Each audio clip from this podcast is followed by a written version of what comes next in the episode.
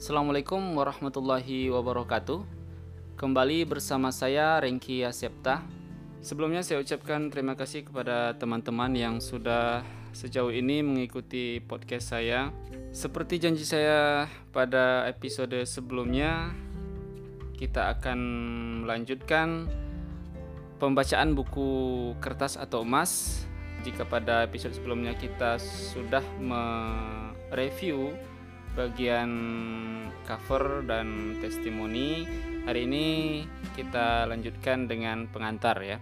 Baik, eh, pengantar pertama dari Amir Zaim Saidi. Beliau adalah Amir Amiran Nusantara, Direktur Wakala Induk Nusantara, pelopor penggerak dan pendakwa di Nadirham di Indonesia. Buku ini berjudul Kertas atau Emas, ringkas, jelas, dan lugas, juga cerdas. Namun demikian, bagi seseorang yang akan menjawabnya, bisa lain ceritanya. Selanjutnya, seseorang tentu akan langsung memilih jawaban yang cerdas, emas. Tetapi dalam kenyataannya, ketika secari kertas yang dimaksud itu diberi gambar tertentu, dibubuhi angka nominal tertentu, lalu diberi nama dolar, yen, pound sterling, atau rupiah, banyak orang tidak mudah memberikan jawaban dan memilih emas. Kebanyakan justru memilih kertas. Tentu saja itu adalah hal yang luar biasa, melawan kenyataan, melawan fitrah atau hukum alam, bahwa emas dan pasangannya perak adalah logam mulia, benda berharga yang oleh penciptanya bukan sekadar diberi nama tapi juga makna dan nilai yang berharga di dalamnya. Dalam Al-Qur'an, Surat Ali Imran ayat 14, Allah Subhanahu wa taala menyatakan bahwa Dia telah memberikan kecintaan kepada syahwat manusia akan sawah ladang, anak-anak serta emas dan perak. Inilah fitrah, sebagaimana kaum lelaki menyukai perempuan dan sebaliknya kaum perempuan mencintai laki-laki. Namun demikian, dalam perjalanan sejarah manusia, ada segelintir manusia yang telah berhasil mengubah fitrah tersebut hingga manusia tidak lagi mencintai emas dan perak, melainkan kertas dan belakangan digital atau medan elektrik yang disebut sebagai mata uang dan dinyatakan serupa dengan emas. Kertas disamakan dengan emas. Sedemikian rupa sehingga ketika seseorang yang disodori pernyataan kertas atau emas tidak lagi mudah memilih atau memilih yang seharusnya tidak dipilih karena alasan yang jelas tidak punya nilai yang real yakni kertas. Masyarakat tidak menyadari hal yang terjadi. Kecintaan mereka yang telah berpindah kepada syari kertas itu tidak berlaku kepada semua kertas, tapi kertas-kertas yang dipaksakan oleh segelintir orang yang disebut sebelumnya. Mereka adalah para bangkir. Mereka mendapatkan hak monopoli untuk menerbitkan kertas-kertas bergambar yang mereka bubuhi nilai nominal, bukan nilai sungguhan. Lalu memperalat pemerintah untuk memaksakannya berlaku sebagai mata uang kepada khalayak. Hebatnya, sementara segelintir orang itu berhasil meyakinkan khalayak ramai bahwa kertas adalah lebih baik dari emas, mereka sendiri, para bangkir, menimbun-nimbun emas. Sementara mereka mendapatkan hak monopoli penerbitan mata uang kertas ini, pemerintah yang memberikan hak monopoli itu bila memerlukan uang dipaksa berhutang kepada mereka dan dengan kewajiban membayarkan bunga atasnya. Wenak tenan. Lalu subjudul buku ini adalah rahasia tentang uang sejati yang tidak pernah diajarkan di bangku sekolah formal. Benar, kesejatian uang yang seharusnya berlaku dalam masyarakat antara lain berupa koin emas dan koin perak telah dirahasiakan, ditutup-tutupi. Emas dan perak dijadikan komoditi sebagai alat investasi. Akibatnya, emas dan perak disimpan-simpan, ditimbun-timbun, dan kita terus-menerus ketagihan menggunakan uang kertas dan buku ini membongkarnya. Sebab juga benar, pengetahuan tentang uang sejati ini tidak diajarkan di bangku sekolah formal, malah sebaliknya yang diajarkan kepada anak-anak kita yang tentu saja kelak menjadi orang dewasa termasuk kita-kita ini adalah yang sebaliknya. Sejak anak-anak usia kelas 3 sekolah dasar yang diperkenalkan kepada kita adalah instrumen-instrumen para bangkir dan cara kerja sistemnya. Seolah itulah satu-satunya cara hidup kita, bahwa kita hidup memerlukan bank, uang kertas, kredit berbunga, dan semuanya diajarkan sebagai hal normal. Sedangkan sesungguhnya, sebagaimana dibongkar habis oleh buku ini, hal itu adalah kejahatan kejahatan terbesar dalam kemanusiaan yang telah berlangsung selama dua setengah abad terakhir ini, khususnya sejak Revolusi Perancis. Ya, revolusi Perancislah yang menjadi titik balik kehidupan manusia, bukan cuma secara politik dan ekonomi, tapi juga secara spiritual. Dari kehidupan yang tunduk patuh kepada aturan Tuhan, menjaga keadilan uang dengan emas dan perak, serta kepemimpinan yang sesuai fitrah di bawah para raja dan sultan yang adil, menjadi yang sebaliknya, sekuler, penuh tipu daya uang kertas, dan kepemimpinan yang menindas dan zalim rakyat tidak lagi merupakan subjek yang dilindungi, melainkan objek untuk dipajaki. Ini berlaku di barat, juga di timur. Riba merajalela di Amerika, juga bergelimang di Indonesia. Jadi, untuk membersihkan segala pelajaran yang menyesatkan di sekolah formal itu, buku ini penting dan perlu untuk dibaca. Dengan bahasa yang mengalir dan uraian yang mudah dipahami, penulisnya membawa pembacanya. Anda mengarungi lorong sejarah memberikan pemahaman atas peristiwa-peristiwa yang berlangsung, para pelakunya, dan motif-motifnya dalam penciptaan dan pemaksaan sistem uang kertas. Ini, pemaksaan uang kertas, dalam pemahaman kaum beriman, tidak lain adalah penerapan riba dalam sistem. Ini yang membuat semua orang dipaksa terlibat dengan riba. Rasulullah SAW menyebutkan, bahkan yang menolak riba pun pasti terkena debunya karena riba adalah sistem yang bermula dari uang kertas, perbankan, dan kredit berbunga. Apa akibatnya? Apa hasil dari sistem riba ini? Pemiskinan dan penderitaan mayoritas masyarakat, sementara segelintir kaum lintah darat mendapatkan keuntungan yang tiada tara, bahkan yang besarannya masih juga belum bisa memenuhi keserakahan dan ketamakan mereka. Itu sebabnya para bangkir dan rentenir adalah musuh besar Allah Subhanahu wa taala dan Rasulullah sallallahu alaihi wasallam. Allah dan Rasulnya telah menyatakan perang terhadap riba. Dus perang terhadap para bangkir dan kaki tangannya dari para CEO, para teller sampai satpam dan office boy-nya. Semuanya terlaknat. Penulis buku ini telah menunjukkan di banyak negeri dalam melintas waktu yang berbeda-beda telah terjadinya kehancuran sistem moneter dan finansial berbasis uang kertas. Mata uang kertas yang berceceran di jalan jadi mainan anak-anak, bahkan telah menjadi tak ubahnya seperti sampah. Itu terjadi di Hungaria, berlangsung di Yugoslavia, telah melanda Jerman dan Amerika Serikat, bahkan di negeri kita sendiri Indonesia yang tercinta ini. Bukan cuma sekali, berkali-kali. Itu semua adalah kebenaran dari hadis Rasulullah Sallallahu Alaihi Wasallam yang mengatakan bahwa akan datang zamannya ketika segala yang dimiliki tidak ada manfaatnya karena kehabisan nilainya kecuali emas dan perak. Ini adalah kebenaran firman Allah bahwa Allah hancurkan riba dan Allah suburkan sedekah. Maka selamatkanlah emas dan perak, selamatkanlah dinar emas dan dirham perak. Nubuah ini telah tiba masanya telah sampai pada masa hidup kita. Saat buku ini diterbitkan, dinar emas dan dirham perak telah kembali beredar. Dinar emas dan dirham perak adalah solusi masa kini dan nanti. Dan buku ini pun bukan hanya mengajar, juga mengajak. Semua pembaca buku ini bukan saja dibimbing untuk mengerti isinya, tapi juga diajak untuk mengamalkannya dalam perbuatan nyata. Bukan cuma membaca, tapi bertindak bersama-sama secara sosial, bukan individual bentuklah dan bergabunglah dalam komunitas-komunitas pengguna dinar dan dirham dan penggiat muamalah hingga generasi kita dan anak-anak cucu kita tidak lagi sulit untuk menjawab ketika ditanya kertas atau emas. Mereka akan dengan ringkas, lugas dan jelas dapat menjawab emas serta pasangannya perak. Depok Muharram 1441 Hijriah Amir Zaim Saidi Amir Amirat Nusantara Direktur Wakala Induk Nusantara, pelopor penggerak dan pendakwa dinar dirham di Indonesia. Baik ya, itu tadi adalah pengantar dari Amir Zaim Saidi. Selanjutnya kita akan bacakan pengantar dari penulisnya sendiri. Pengantar. Alhamdulillah, la haula wala quwata illa billah. Segala puji bagi Allah, tiada daya dan upaya kita tanpa berserah diri kepadanya.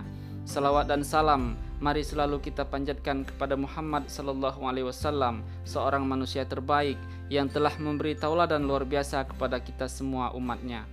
Pembaca yang budiman, berbudi dan beriman.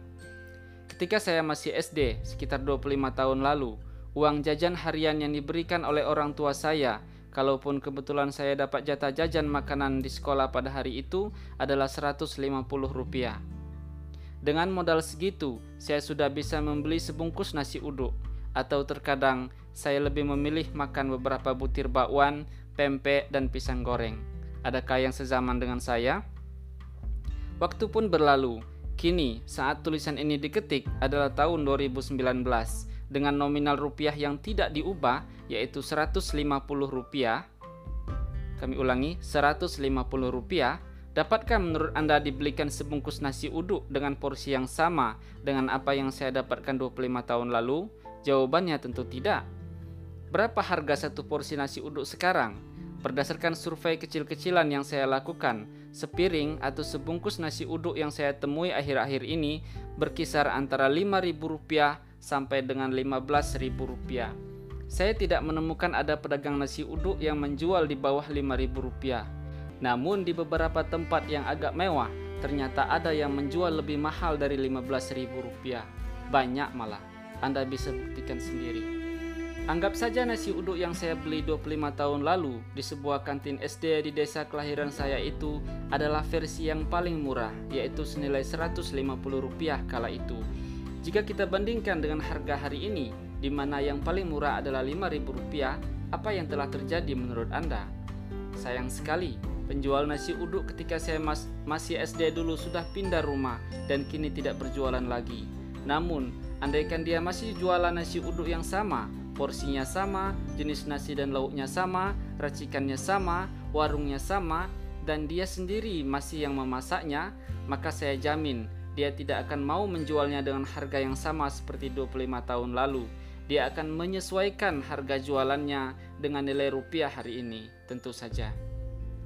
Dengan kata lain, dia akan menaikkan harga yang prediksi saya semurah-murahnya adalah Rp5.000 atau naik lebih dari 30 kali lipat dari semula Rp150. Para ekonom didikan barat mengatakan ini adalah fenomena inflasi alias kenaikan harga semata. Titik, tanpa penjelasan yang memadai.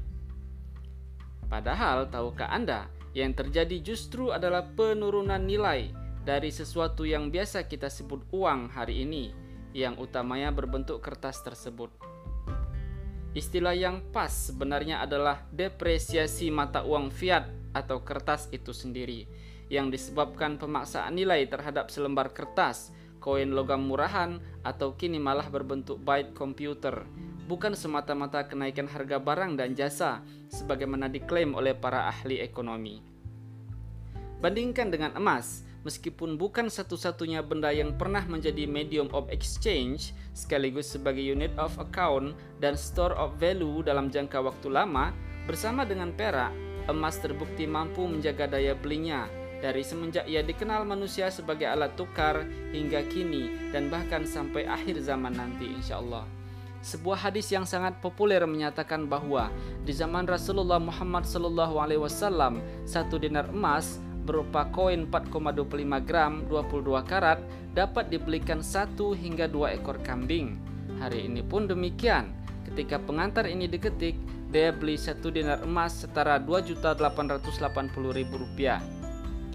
Saya ralat ya pada saat diketik memang segitu nilainya namun pada saat podcast ini dibacakan satu dinar senilai 4.200.000 rupiah dan masih saja mampu untuk dibelikan satu hingga dua ekor kambing.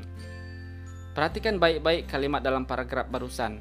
Data awal yang kita pakai, yakni ketika Rasulullah SAW masih hidup, versus data pembandingnya, yakni hari ini, memiliki perbedaan waktu lebih dari 1400 tahun. Namun, satu dinar emas tetap saja mampu mempertahankan daya belinya. Luar biasa, bukan? Selengkapnya Anda akan dapati penjelasannya di lembaran-lembaran buku ini yang sayangnya jarang sekali atau malah tidak pernah diajarkan sama sekali di bangku-bangku sekolah kita dulu. Dari dua contoh sederhana yang telah kita kemukakan, terlihat jelas perbedaan antara mata uang fiat yang diwakili oleh uang kertas dengan uang sejati yaitu emas dan juga perak. Saya menyebut emas dan perak sebagai uang sejati sebab keduanya mampu bertahan tidak hanya sebagai alat tukar paling lama, namun juga sebagai penakar harga dan penyimpan nilai yang sangat ampuh.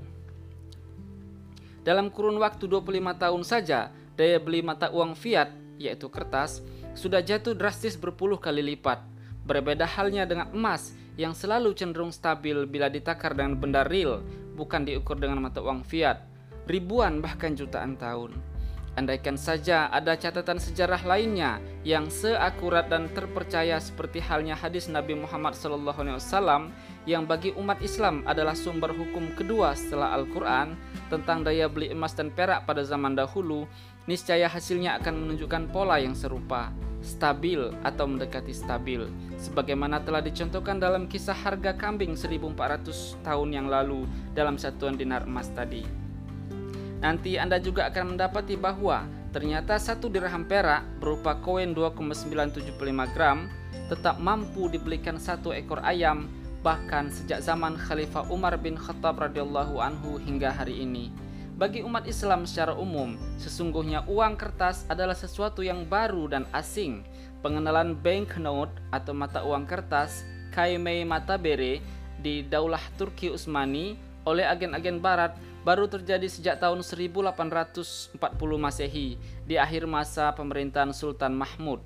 Artinya, jika merujuk ke catatan sejarah Daulah Utsmani ini, banknote atau lebih kita kenal dengan uang kertas belum sampai 200 tahun dikenal oleh mayoritas muslim. Dalam versi Nusantara yang dulu terdiri dari ratusan kesultanan berdaulat, pengenalan dan pemaksaan uang kertas dilakukan oleh para penjajah Salah satu peristiwa yang memantik perlawanan rakyat akibat pemaksaan uang kertas yang dilakukan oleh penjajah Belanda terjadi di Maluku pada awal abad ke-19. Rakyat Maluku menolak rempah-rempah mereka dibayar dengan kertas. Konon di kala itu mereka lebih akrab dengan koin perak sebagai uang. Sebuah pernyataan perwakilan rakyat sebagaimana ditulis oleh sejarawan nasional berdarah Maluku Des Alwi dalam bukunya Sejarah Maluku terbit 2005 berbunyi kami rakyat tidak mempergunakan uang kertas dalam hidup sehari-hari. Lagi pula, jika kami hendak membeli sesuatu dan hendak membayar dengan uang kertas itu, pemerintah tidak mau menerimanya. Kami harus membayar dengan uang perak. Kisah ini pun berlanjut dengan pertempuran rakyat Maluku yang dipimpin oleh Kapitan Patimura melawan para perwira Belanda pada tahun 1817. Meskipun pada akhirnya sang kapitan beserta beberapa pengikutnya harus rela mati di tiang gantungan. Sepeninggal Patimura pun perlawanan masih terus berlanjut. Sayangnya, gambar Patimura ini malah dijadikan model penghias uang kertas yang dulu pernah ditolak mati-matian olehnya. Hari ini, kita dibuat bingung dengan nilai mata uang. Nama-nama mata uang yang menurut ekonom barat sendiri, Murray and Rothbard, dulu sebenarnya merupakan sebutan untuk satuan ukuran berat logam emas dan perak kini telah berubah fungsi menjadi tolok ukur kedikdayaan suatu negara. Dolar misalnya, awalnya merupakan satuan berat untuk koin perak 1 ons atau koin emas 1 per 20 ons dan tetap dipakai namun dengan cara baca yang terbalik atau keliru yakni 1 ons emas setara 20 dolar di Amerika Serikat hingga tahun 1933. Begitu juga dengan pound sterling Inggris yang berasal dari satuan berat pound, istilah lain dari libra Makanya dilamakan dengan huruf L, L Libra. Sebagaimana juga yang terjadi dengan lira Turki dan bahkan rupiah Indonesia yang berasal dari bahasa Sanskerta yang berarti perak yang ditempa. Akibat tidak lagi menggunakan dan bahkan tidak lagi disandarkan sama sekali dengan emas dan perak, maka keberadaan mata uang fiat suatu negara akan sangat ditentukan oleh kekuatan negara tersebut di mata internasional. Kini, selembar kertas made in United States alias dolar Amerika Serikat bernilai 14.000 kali lipat angka nominal kertas made in Indonesia. Tak heran bila seorang industrialis terkemuka Amerika Serikat yang sangat melek dengan keadaan semacam ini, Henry Ford 1863 sampai 1947 berujar, "Untunglah orang-orang tidak memahami perbankan dan sistem moneter kita." Sebab andai saja mereka paham, maka saya yakin akan ada revolusi sebelum esok pagi. Buku ini bukan tentang revolusi dan apa pun yang penulis sampaikan tentunya jauh dari maksud-maksud radikal, baik tersurat maupun tersirat. Sebaliknya, buku ini ditulis dengan penuh cinta sebagai upaya penyadaran agar kita semua melek dengan uang sejati, yaitu emas dan perak, yang kesejatiannya telah dibuktikan oleh waktu selama ribuan tahun lamanya. Hadis Nabi Shallallahu Alaihi Wasallam telah menjadi sejarah tersurat tentang betapa stabilnya daya beli dinar emas. Dan sebagaimana telah disinggung di atas, buku ini juga ingin mengingatkan kepada kita semua bahwa kertas-kertas atau bahkan kini telah bermetamorfosis menjadi sekedar angka-angka maya dalam komputer yang kini diakui sebagai uang barulah dikenal dan dipaksakan bernilai sejak 200 tahun terakhir terutama bagi umat Islam. Namun, dalam perjalanan singkatnya ini, kita telah menyaksikan berbagai kehancuran yang diakibatkannya, baik secara langsung maupun tidak langsung, sebagaimana akan Anda saksikan dalam pembahasan di buku ini. Sedangkan emas dan perak telah membersamai berbagai peradaban besar selama belasan abad, tak hanya di timur, namun juga di barat, tak hanya di dunia Islam, namun juga di berbagai peradaban besar mana pun dahulu kala. Harapan penulis, semoga Anda dapat mengambil pelajaran yang banyak dari penjelasan yang penulis sampaikan di buku ini dan pada akhirnya dapat menentukan langkah Anda sendiri. Demikian, semoga Allah Azza wa Jalla meridoi dan memberkahi kita semua. Amin. Selamat melek. Salam muamalah Rengkia Septa. Baik teman-teman, uh, itu tadi sudah kita bacakan dua pengantar dari buku Kertas atau Emas Pertama dari Amir Zaim Saidi, uh, beliau memberikan pengantar dan kedua pengantar dari penulis sendiri yakni Renkia Septa.